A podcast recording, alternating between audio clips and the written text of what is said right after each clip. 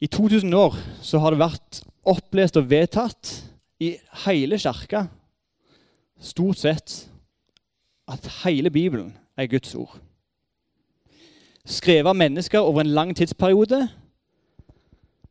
men samtidig inspirert og innblåst av en større forfatter. Og Denne sannheten er nå på tiltalebenken. Mer og mer så settes det spørsmål til om Gud virkelig har sagt, og om han virkelig har ment det som han sa. Og det du tenker at Bibelen er, det bestemmer hvordan du forstår det som står der. Og på mange måter så blir det ditt bibelsyn. Alle har et bibelsyn. Enten det er bevisst eller ubevisst, så har du et syn på denne boka. Om vi tar alt som står der bokstavelig, eller om vi plukker og velger som vi sjøl vil, så er det stor avstand mellom å tro at hele Bibelen er Guds ord, eller å tro at Bibelen inneholder Guds ord. Det høres ganske nært ut. Men de store diskusjonene og debattene i Kirke-Norge i dag handler i stor grad om akkurat det. Er hele Bibelen Guds ord, eller inneholder Bibelen Guds ord?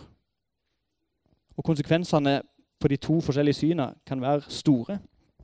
Min påstand er at ulike syn på Bibelen er det store bakenforliggende spørsmålet bak mange, de aller fleste av konfliktene og uenighetene i kirkelandskapet i dag, og fører til mye usikkerhet hos mange kristne.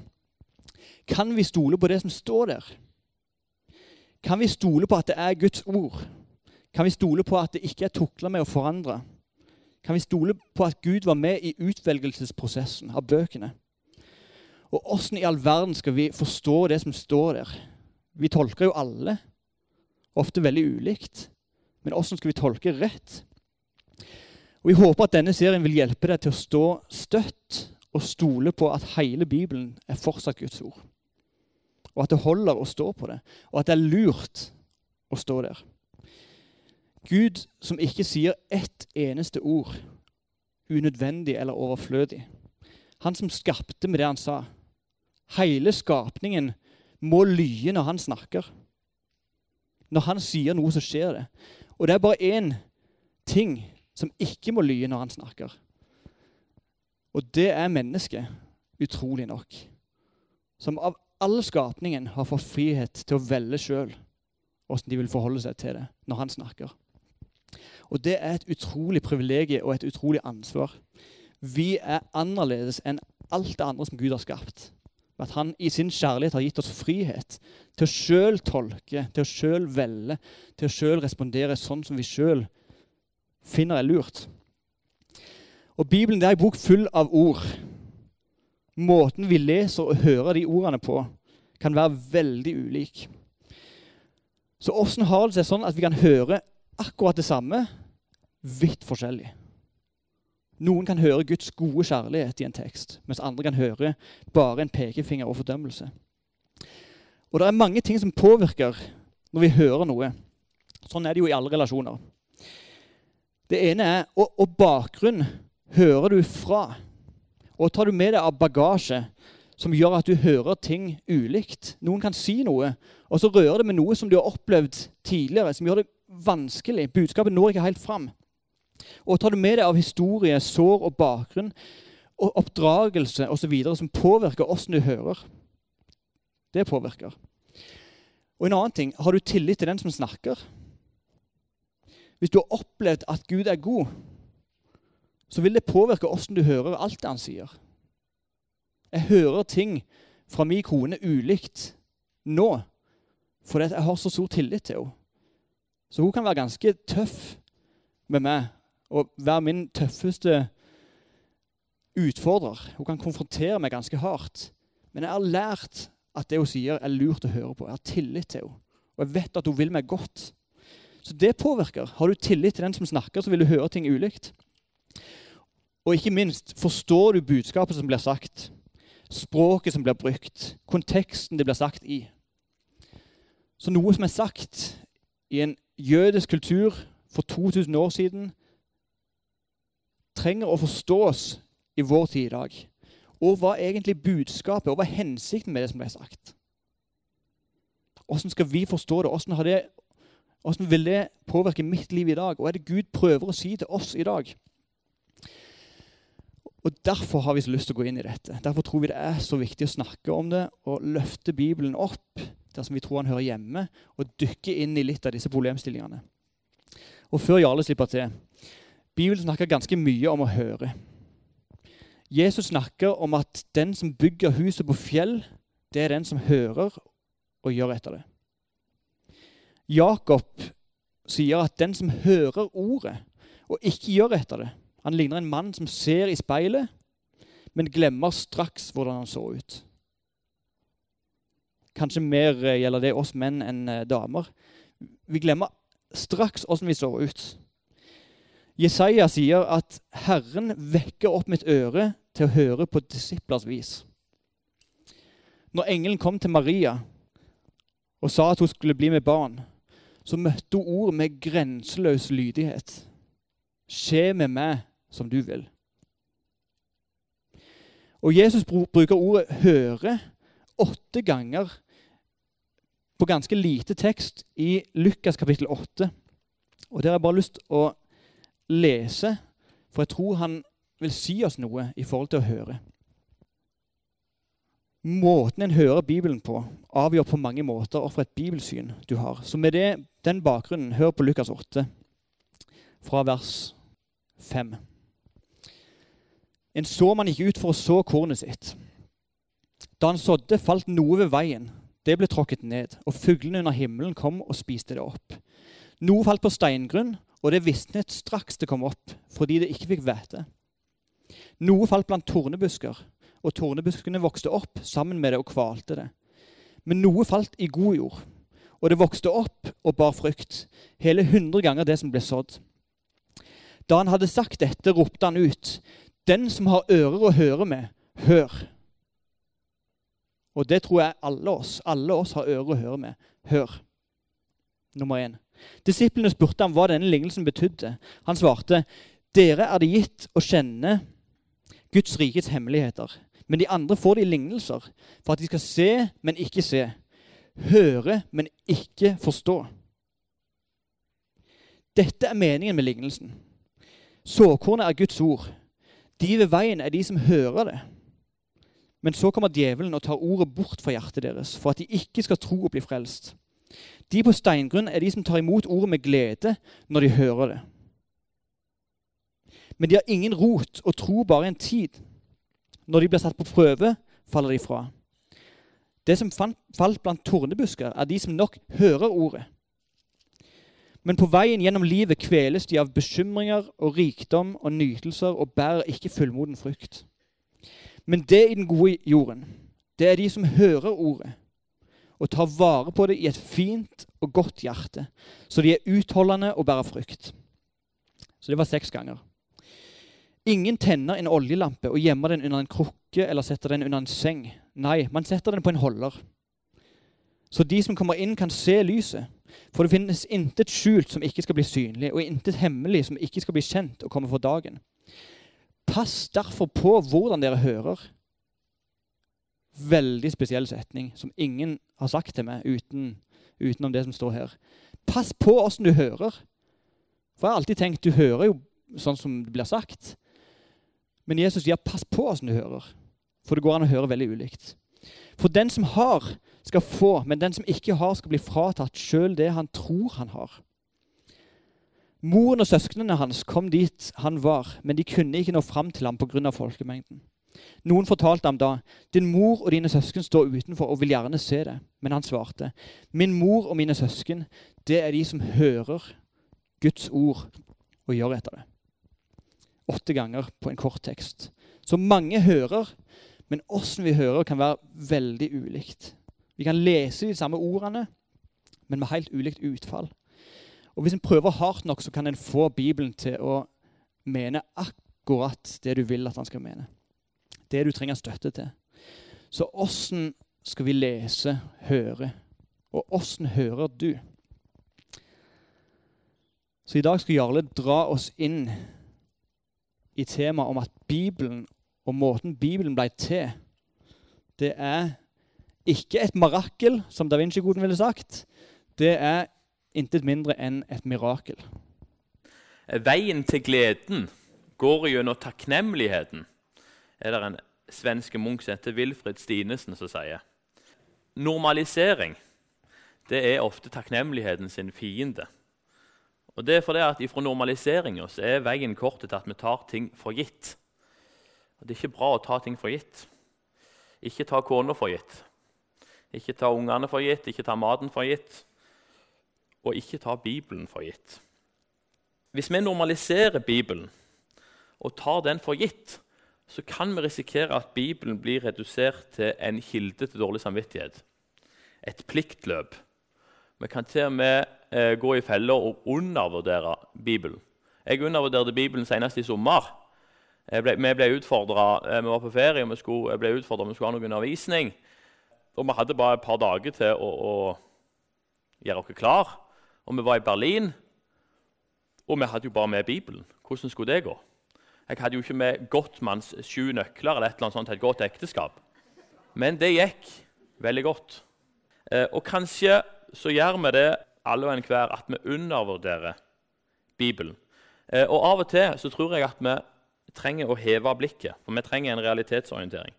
Vi trenger å se på Bibelen som Bibelen det den egentlig er. For Bibelen det er ingen normale bok. Eh, Bibelen er bøkenes bok. Kanskje må vi bryte ned normaliseringa for å komme til takknemligheten. Og Når vi kommer til takknemligheten, så nærmer vi oss gleden. Og Det er jo litt eh, hensikten med disse her tre gudstjenestene.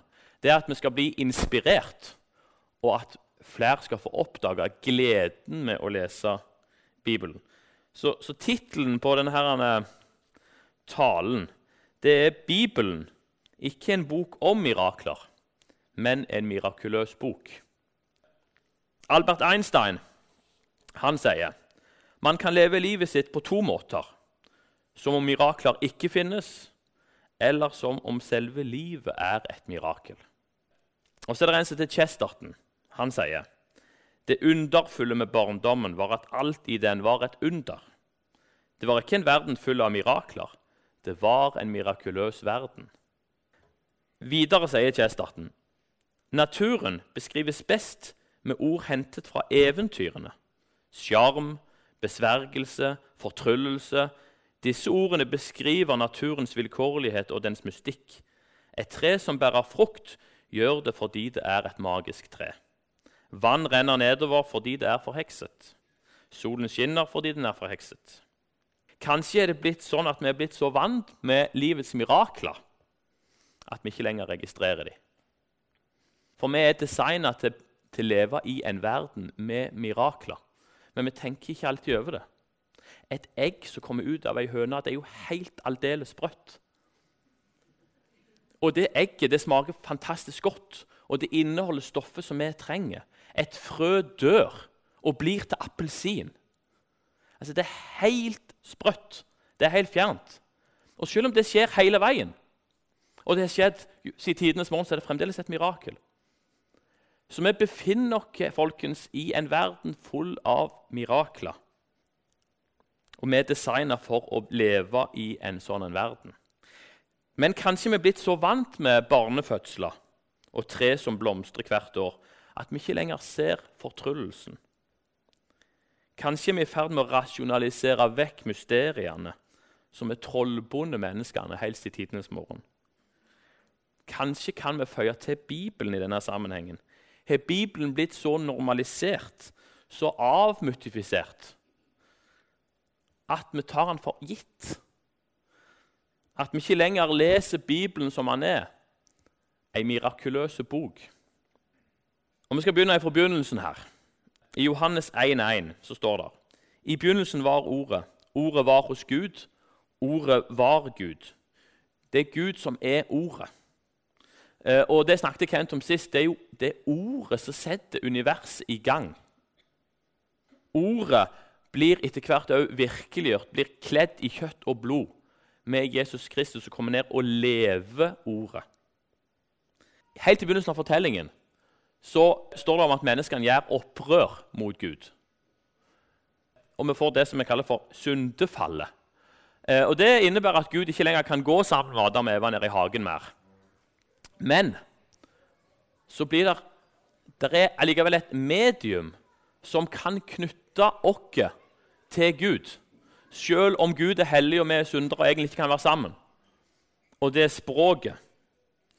Det er språket. Og det språket det består av bitte små komponenter som vi kaller for bokstaver. Og hvis vi setter disse Bokstavene det er jo tegn for lyder. Og Når vi setter disse lydene sammen, så kan vi få meningsfulle enheter som ord. Og Disse ordene kan gjøre, utgjøre setninger, og så får vi etter hvert noe fantastisk som heter et språk. Som vi òg tar helt for gitt, akkurat som egget og appelsinen. Men det har vi ingen grunn til å gjøre. Så allerede her begynner det mirakuløse. Jeg er far, jeg er fire unger. Og jeg har jo alltid syntes at den der eh, spedbarnsperioden Ikke kjedelige, men det er litt sånn, eh, kommer liksom ikke i gang. Eh, og Det er liksom å varme den der grøten og den erstatningsmelk og alt det der greiene.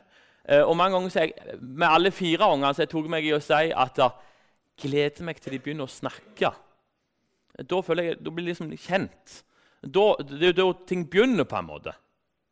Og sånn tror jeg på den måten tror jeg jeg nesten får et blikk inn i hvordan Gud tenker om oss.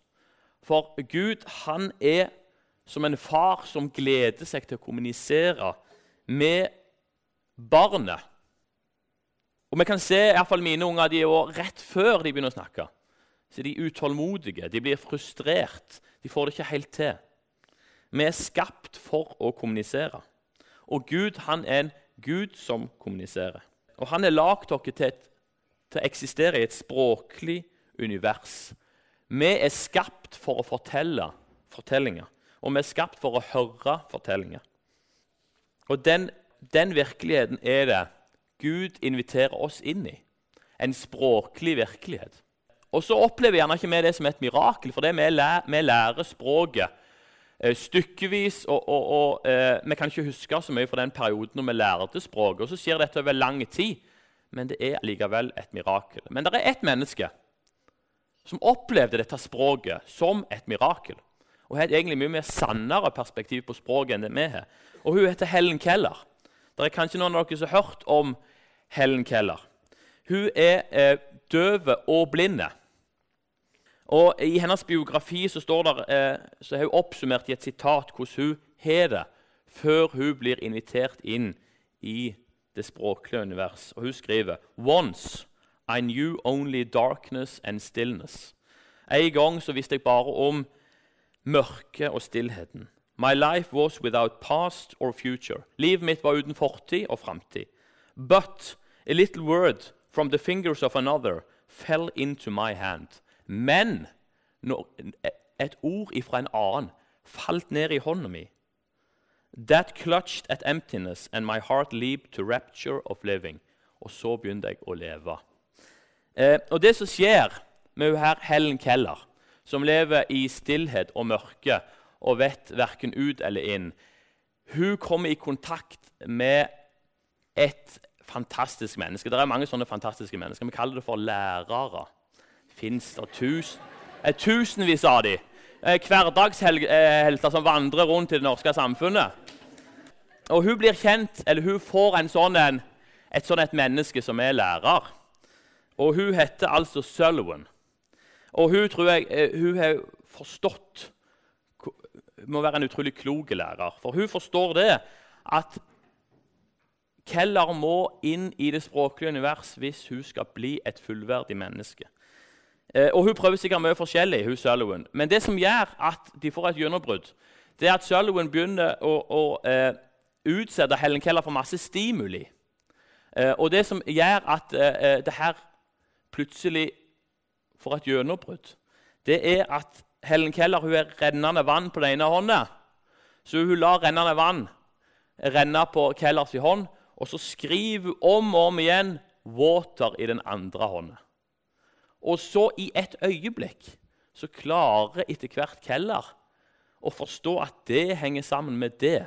Og koble dette som renner her, med et ord. Og så er det begynnelsen inn i en helt ny virkelighet for Helen Keller. Så hun opplever jo språket som det egentlig er. et mirakel som hun blir invitert inn i. Og Helen Keller blir jo selvfølgelig Hun blir jo en berømt skribent, og hun har jo eh, berika eh, livet til tusenvis av mennesker, takket være selvfølgelig læreren Sullivan. Gud han har eh, lagd et medium som er eksklusivt for oss. Språket, så vi kan kommunisere med han. Og han vil kommunisere med oss. Og ordene, de lever, og de virker. Det snakket eh, Kent eh, en god del om sist. Men alle har erfart at ord kan såre. Og de kan ramme oss som ei pil. Og vi kan ta konsekvensene av ord kan vi dra med oss resten av livet. Og ord kan bygge oss opp. De kan glede oss, og de kan oppmuntre oss. Og Det er ikke for ingenting at Bibelen snakker mye om tunga. At den må holde i tømme. For ord, ord er levende, ord har kraft. Og ord kan føre til konsekvenser begge veier. Nå fikk jeg, eh, nå fikk jeg mange kjærlighetsbrev i min ungdom. Olene har en hel haug hjemme hos seg som hun nekter å hive i en sånn svær eske. Jeg har ingen. Men, eh, og Det er fordi jeg leste sunt de kjærlighetsbrevene jeg fikk. Og alle de som har fått, som har fått kjærlighetsbrev, de analyserer kjærlighetsbrevene ned til minste detalj. For det er til deg. Det er en, et annet menneske som sier noe om hvem mottakeren er, og hva en føler for den mottakeren. Det er personlige hilsener. Noe som er enda større enn kjærlighetsbrev, det er Bibelen. For det er Guds personlige hilsen til oss. Det er et enormt langt brev der Gud åpenbarer, åpenbarer seg for oss, for vi mennesker. Og det er eksklusivt. Det er bare til oss. Det er ikke til noen andre. Eh, det er ingen andre skapninger i denne verden som er i nærheten av å fatte hva språk innebærer. Noen snakker om at hvaler kan kommunisere hundrevis av mil, og de sender ut noen lyder. Men det er bare signaler. Det er ingenting annet. Det er akkurat som et spedbarn som griner. En kan sende seg ut noen signaler om behov. Kent var innom evolusjon forrige gang. Mange mennesker i dag tror at mennesket er bare et primat, et pattedyr. Men en av de viktigste skillene mellom oss Elevene mine de sier jo at vi er nesten helt like sjimpansene. Det er noe sånn, Over 90% av DNA er likt. og noe greier. Men, men, selv om ikke alt er likt, det er mye som er likt, så det er kun et fysiologisk, biologisk perspektiv. Det som skiller oss fra dyrene, det er at Gud har pusta sin livsånde inn i oss. Så vi har fått ånd. Det er ikke dyrene. Er, jeg, tror ikke mest, jeg, tror ikke de mest hardbarka evolusjonister tror at elefanter vil skrive romaner om 100 millioner år. Det er ingen som tror at kyr vil komponere musikk. Det er ingen som tror at hunder vil bygge katedraler. Og Det er fordi dyr ikke ånd. Men det har vi. Og vi kan kommunisere og ha en relasjon til Gud primært gjennom språket. Og vi som, og nå må, det, nå må det være ekstremt nøye med terminologien. Vi går jo ikke i bedehuskirka, vi er en del av bedehuskirka. Og vi går ikke i huskirka, men vi er en del av ei huskirke. Der deler vi liv. Ikke sant? Og Derfor vi, vi bør på alle måter være superbegeistra. For vi vet jo hvordan det er å dele liv med andre mennesker. Og så står vi overfor en Gud som vil dele liv med oss. Det er en Gud som inviterer meg personlig inn i livet. Og han inviterer oss som fellesskap inn i livet sitt der Gud utøser sitt hjerte til oss, sine følelser, sin visdom, sin karakter. I Bibelen deler den allmektige liv med oss. Vi inviteres inn i ei huskirke mellom to permer som er langt større enn den største katedralen. Muslimene de setter alltid Koranen høyest i rommet fordi de høyakter Koranen. Og jeg tenkte Kanskje vi noe å lære av muslimene. Vi må høyakte Bibelen. Vi må se på Bibelen på hva han egentlig er for noe. Det er Guds åpenbaring til oss, eksklusivt til meg og til deg. Eh, og Bibelen berører og forvandler mennesker til med i Norge ennå. For meg representerte kristendommen det etablerte og det moralske, det motsatte av frihet. Men det ser annerledes ut for meg nå, sier Karl Ove Knausgård til NRK etter han var med og oversatte Bibelen. Under arbeidet med teaterforestilling 'Evangeliet av Markus' forsto han plutselig at han trodde på det evangelisten Markus fortalte, at Jesus er Guds sønn. Det sier Svein Tindberg, som fant veien til Gud gjennom bibeltekstene.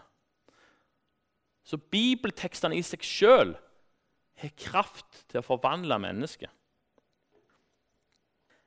Og Den beste medisinen tror jeg, mot det som Torstein var litt inne på, en differensiert Gud. At vi velger ut deler av Gud. Den guden som er i Nye Testamentet, den kan vi tåle, mens den guden i Gamle Testamentet er utålelig osv. Den beste medisinen mot sånn, et sånt gudsbilde, det er faktisk å lese Bibelen. Ikke bare Efeserbrevet og Korinterne, men hele greia. Fra begynnelse til slutt. Da blir vi kjent med hele Gud. Da blir vi kjent med en fullstendig Gud, hele hans vesen. Dette med Bibelen og en lengsel etter mer av Guds ord det kommer fra fullt, og det ser vi spor av til og med i det som jeg kaller for åndslivets Sachsenhausen, Oslo. Der er det en som heter Joakim Magnus. Han er med i UiO. Og Han trodde han måtte tvinge 15 kompiser til å bli med på bibelstudiet. Nå snakket jeg med søsteren min for ikke lenge siden. Det var ikke plass. 650 deltakere, stinn brakke, venteliste i Oslo. Og det er bare bibelstudie. Det å gå gjennom bøker i Bibelen. Det er, det er helt fantastisk. Jeg blir helt begeistra når jeg hører sånne ting. Og For meg viser det at Bibelen har fremdeles kraft til å forvandle menneskene sine liv. Bare i møte med bibeltekstene. Hvor mer er det med denne boken? Det er jo selvfølgelig ufattelig med ting som gjør denne helt mirakuløs og spesiell. Hva er det som indikerer at det er Gud sjøl som taler til oss? Hvordan vet vi at Gud sjøl er redaktøren? For Her kunne vi jo snakket tre timer. Men vi har jo 40 minutter, som er mer enn vanlig, så jeg er kjempetakknemlig for den tida som ligger her. Men det gjør at du må ta et enormt lite utvalg. I Bibelen så er det ifølge David Pawson, som er en kjent britisk bibellærer, 735 profetier. 81% av disse profetiene er oppfylt. Er oppfylt. 19% er ikke oppfylt, men det er fordi det ikke er skjedd ennå. Flertallet de står jo i Johannes' åpenbaring, så de skal bli oppfylt. Og så kunne vi snakket mye om alle disse profetiene, men jeg vil gå inn i én profeti. For jeg syns den profetien er utrolig kul. Og Det er en profeti som jeg tror eh, ikke alle har hørt om. Og Det er en profeti om en by som heter Tyrus. Eh, og Tyrus, for å ta dere, I antikken så er Tyrus det samme som New York er i dag. Det er fønikerne sitt hovedsete, sitt handelssentrum. Det er det som, eh, Fønikerne var det, var det folket som dominerte handelen rundt hele Middelhavet. De samarbeidet med grekerne. Det var ingenting som tilsa at den byen skulle gå unna. Og så er det en eh, gudsmann, en profet, som heter Esekiel. Han sier det. Derfor sier Herren Gud, jeg kommer over deg, Tyrus. Jeg lar mange folkeslag slå innover deg, slik havet lar bølgene slå. De skal bryte ned murene omkring Tyrus og legge tårnene i grus. Jeg vil feie jorden vekk og gjøre henne til et nakent berg. Videre sier han, de røver din rikdom, tar varene som krigsbytte, de bryter murene ned og river kostbare hus. Stein, tre og jord kaster de på sjøen. Altså, De skal kaste en by på sjøen. Altså, det er utrolig risikofullt av en, å anslå noe sånt. Altså, det, jeg har aldri hørt om nesten en, en by som blir kasta på sjøen. Men Esekiel han sier det. Det skal skje. Tyret skal bli kasta på sjøen. Jeg gjør deg til et nakent berg, en tørkeplass for fiskegarn skal du bli. Du skal ikke bygges opp igjen. Tenk deg, New York skal ikke bli gjenoppbygd. For jeg, Herren, har talt, sier Herren Gud. Og Dette sier Esekiel i ca. 590 før Kristus. Ganske kort tid etterpå så kommer det en som heter Nepugadneser fra Babylon. Og Han bruker 13 år på å gruslegge datidens mektigste handelsby, Tyrus. Han legger, eh, han legger byen flatt. Men så er Tyrus det var derfor jeg tok eksempelet med New York, ganske like, for det er ei øy utføre, akkurat som vi har Manhattan. Litt lenger enn Manhattan fra fastlandet. Men uansett. Den øya klarer ikke Nebukadneser ta. Det er mye lettere å forsvare en øy. Så, så, deler av byen står igjen.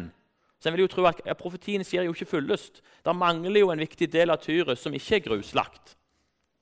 Men Nebukadneser tar den delen av byen som er på fastlandet, og tilintetgjør den. Men så kommer vår mann i 332 før Kristus. Da kommer Aleksander den store.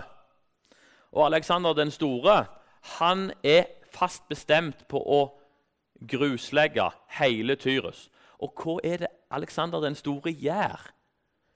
Jo, han må jo komme seg ut til denne øya. Og hva er det han gjør? Jo, selvfølgelig Stein, tre og jord som ligger i ruinene etter Tyrus, hiver selvfølgelig Aleksander den store soldatene sine på sjøen. Så de kan bygge en rampe av bygningsmasse, tre og jord ut til Manhattan, ut til den øya, sånn at de kan ta hele Tyrus. Og Så sender Alexander den store selvfølgelig beskjed, for han har jo lagt under seg hele middelhavsområdet. Så gir han beskjed til alle sine allierte rundt forbi. For det skal jo komme, som Esekiel sier, folk fra ulike nasjoner. Og Så kommer det skip fra hele Alexander den store sitt rike, og så tar de den siste delen av Tyrus. Og I dag er det ingen her inne som vet hvor Tyrus er, for den er ikke blitt gjenoppbygd. Det er mange som hører denne fortellingen for første gang. Og det er ingen som reiser til Tyrus lenger. For det er bare et nagent berg der. Hvis du, tar, du skal finne et bilde fra Tyrus, er det noen fiskere og noen fiskegarn som ligger igjen. Det er en fiskerplass. Altså, Dette er ikke noe Nostradamus eller noe horoskop vi leser om. Noe sånt som alle kan kjenne seg igjen i. Dette er konkrete, etterprøvbare profetier. I Salme 22, 19, så står det mange hundre år før Jesus nærmer seg jordkloden. De deler mine klær mellom seg og kaster lodd om min kappe. I Johannes 19, 24 står det da sa de til hverandre, la oss ikke rive den i stykker, men kaste lodd om hvem som skal ha den. Altså, det er profetier på et ekstremt konkret nivå som innebefatter mennesker som ikke lest Skriftene engang. Det er utrolige fortellinger. Jeg fortalte den Tyrus-fortellingen til, til, klassen min i religion. og De aller fleste av dem tror ikke på, på Bibelen, men de må innrømme at det er en ufattelig historie. Det er helt utrolig. Og jeg vil gå så langt og si at det er mirakuløst. Det er umulig. Det er ingen Nostradamus. Og så er det en indre konsistens som er helt utrolig. Vi satt, meg og Sofie og Torstein og Kent vi to-tre kvelder og, prøver, skal prøve å lage en rød tråd i disse her tre gudstjenestene. Og det har vært ja, nesten et marakel. Det har vært tøft nok. Og det har vært tre gudstjenester som strekker seg over noen måneder. I Bibelen er det mellom 35 og 40 forfattere som lever i et tidsrom som spenner seg over flere tusen år som skal få dette til å henge sammen. Det, det, det er helt opplagt. Det er helt umulig. Det kunne aldri skjedd at så mange forfattere som lever i så ulike tidsrom, kunne klart å lage dette her. For fortellingene henger ufattelig tett sammen, og her kunne vi brukt ufattelig med mer tid. Men allerede på første side står det jo om ut av deg så skal det komme han som skal knuse slangen. Ut av Eva og så fortsetter det som perler på en snor. ikke sant? Lammet i Egypt, ikke sant? blodet så Alt henger sammen. Det er et fantastisk puslespill. Som en som heter, en heter Sagrusten, for de, som, for de som kjenner at de blir fascinert av dette, så det en som heter Sagrusten, som har skrevet en bok som heter 'Det store puslespillet'. Og Når vi begynner å få innblikk i det puslespillet, så forstår vi at det går ikke an å riste i ei svær puslespilleske, og så skal dette her stemme i hop. Det må være en som legger dette puslespillet. Og jeg tror, jeg tror, at, jeg tror ikke bare det som står i Bibelen, er Guds ord. Jeg tror òg at Bibelen, sånn som vi har den i dag, det er sånn Gud vil at han skal være. Gud har vært med hele veien. Han har ikke bare vært med forfatterne og blåst inn det som skal stå, men han har vært med i alt. Det er ikke tilfeldig. Det er ikke en tilfeldig ansamling fragment og skrifter. Det er akkurat sånn Gud ville ha det. Og I andre kongebok 22 så står det i sitt 18. regjeringsår så sendte kong Yoshia riksskriveren Shafan, sønn av Asalya, sønn av Meshulam, til Herrens tempel. Og han skal, han skal begynne å telle opp noe penger og noe styr. Og så hopper jeg litt. Da sa øverstepresten Hilkia til riksskriveren Shafan.: Jeg har funnet en bokrull med loven i Herrens tempel. Hilkia ga rullen til Shafan, og han leste den. Riksskriveren Shafan gikk tilbake til kongen og meldte. Dine tjenere har samlet de pengene som fantes i tempelet, og gitt dem til arbeidslederne som har tilsyn med Herrens hus. Så fortalte han kongen at presten Hilkia hadde gitt ham en bokrull, og han leste den opp for kongen. Og Så skjer det masse ting etterpå. Poenget, poenget er jo at Gud har jo kontrollen. De klarte selvfølgelig å vase vekk skriftrullene. Men, men, det er ikke tilfeldig at det er når den gode kongen Joshia regjerer, at dette blir funnet. Jeg tror jo det her, det her er Gud har kontroll. Alt er det som Egon Olsen sier, alt er timet tilrettelagt. Og sånn tror jeg det er helt fram til vår tid. Og I dag er det noen ideer om at, om at dette er tilfeldig, det er eventyr det er, mø, det, er så, det er, så mange ting som sirkulerer. Men jeg tror at Gud har vært der hele veien. Gud lar aldri noe så viktig som åpenbaringen om seg sjøl. Han lar aldri det gå til tilfeldighetene. Så de finner selvfølgelig bokrullen igjen. Så jeg tror at Gud har vært med hele veien. Han var med på kirkemøtet i Nikea. Han var med gjennom hele greia. Helt fram til dødehavsrullene ble funnet på 1980-tallet, så er Gud vært der. Han har beskytta sin åpenbaring. Det er en som heter Dallas Willard. Han sier det. Noe av det mektigste vi har i denne verden, er ideer. Og det er mange ideer som er slått rot. En idé det er at eh, de bibelske fortellingene de er ikke troverdige. De endrer seg over lang tid osv. Det er dårlig eh, kildemateriale på det. Her er det mye tilfeldige ting er blitt endra underveis. Var, eh, I i Da Vinci-koden på side 259 så står det Konstantin bestilte og bekostet en ny bibel der man utelot de evangeliene som omtalte Kristi menneskelige trekk, og forherliget de evangelier der han ble beskrevet som guddommelig. De tidligere evangeliene ble forbudt, samlet inn og brent. Det er noen ideer som har fått satt seg, som folk tror på. Utvalgskriteriene på kirkemøtet i Nikea var superstrenge. Det var de beste folka i datidens verden som hadde ansvaret for at Bibelen ble sånn som den ble. Og I forhold til skriftlig material Julius Cæsar tror alle de fleste har levd. Han var romersk keiser. Han døde i 44 før Kristus. Ni manuskripter er det om Julius Cæsar.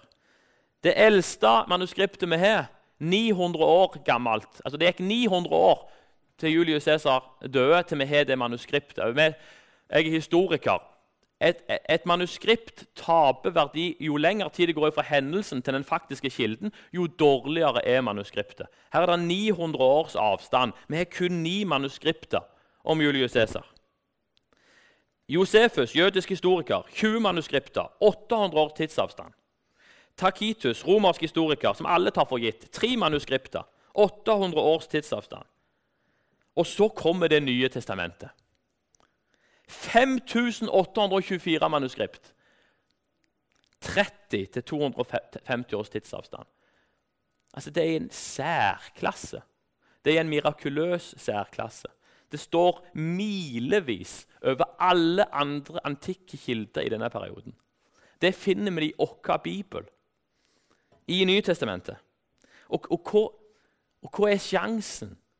Der er Jesus død. Der har vært 50 folk som har sagt de var Messias før Jesus. Det var 50 etterpå som påstod de var Messias. Han sier til en flokk med ungdommer Nå skal dere fortelle nyhetene om meg til resten av verden. Ikke Internett. Det er ingenting. De har sandaler.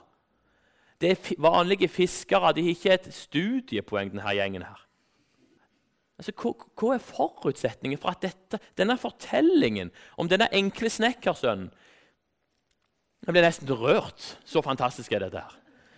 At det skal nå helt opp til steinrøysa vår i Norge. Og her sitter vi og tilber snekkersønnen ifra Galilea. Altså, Det var jo Finnmark der nede. Kan det komme noe godt ifra Galilea? Snekkersønn. 2000 år etterpå så sitter vi her. De tolv disiplene, den, den helt ufattelige reise ifra Galilea til Norge.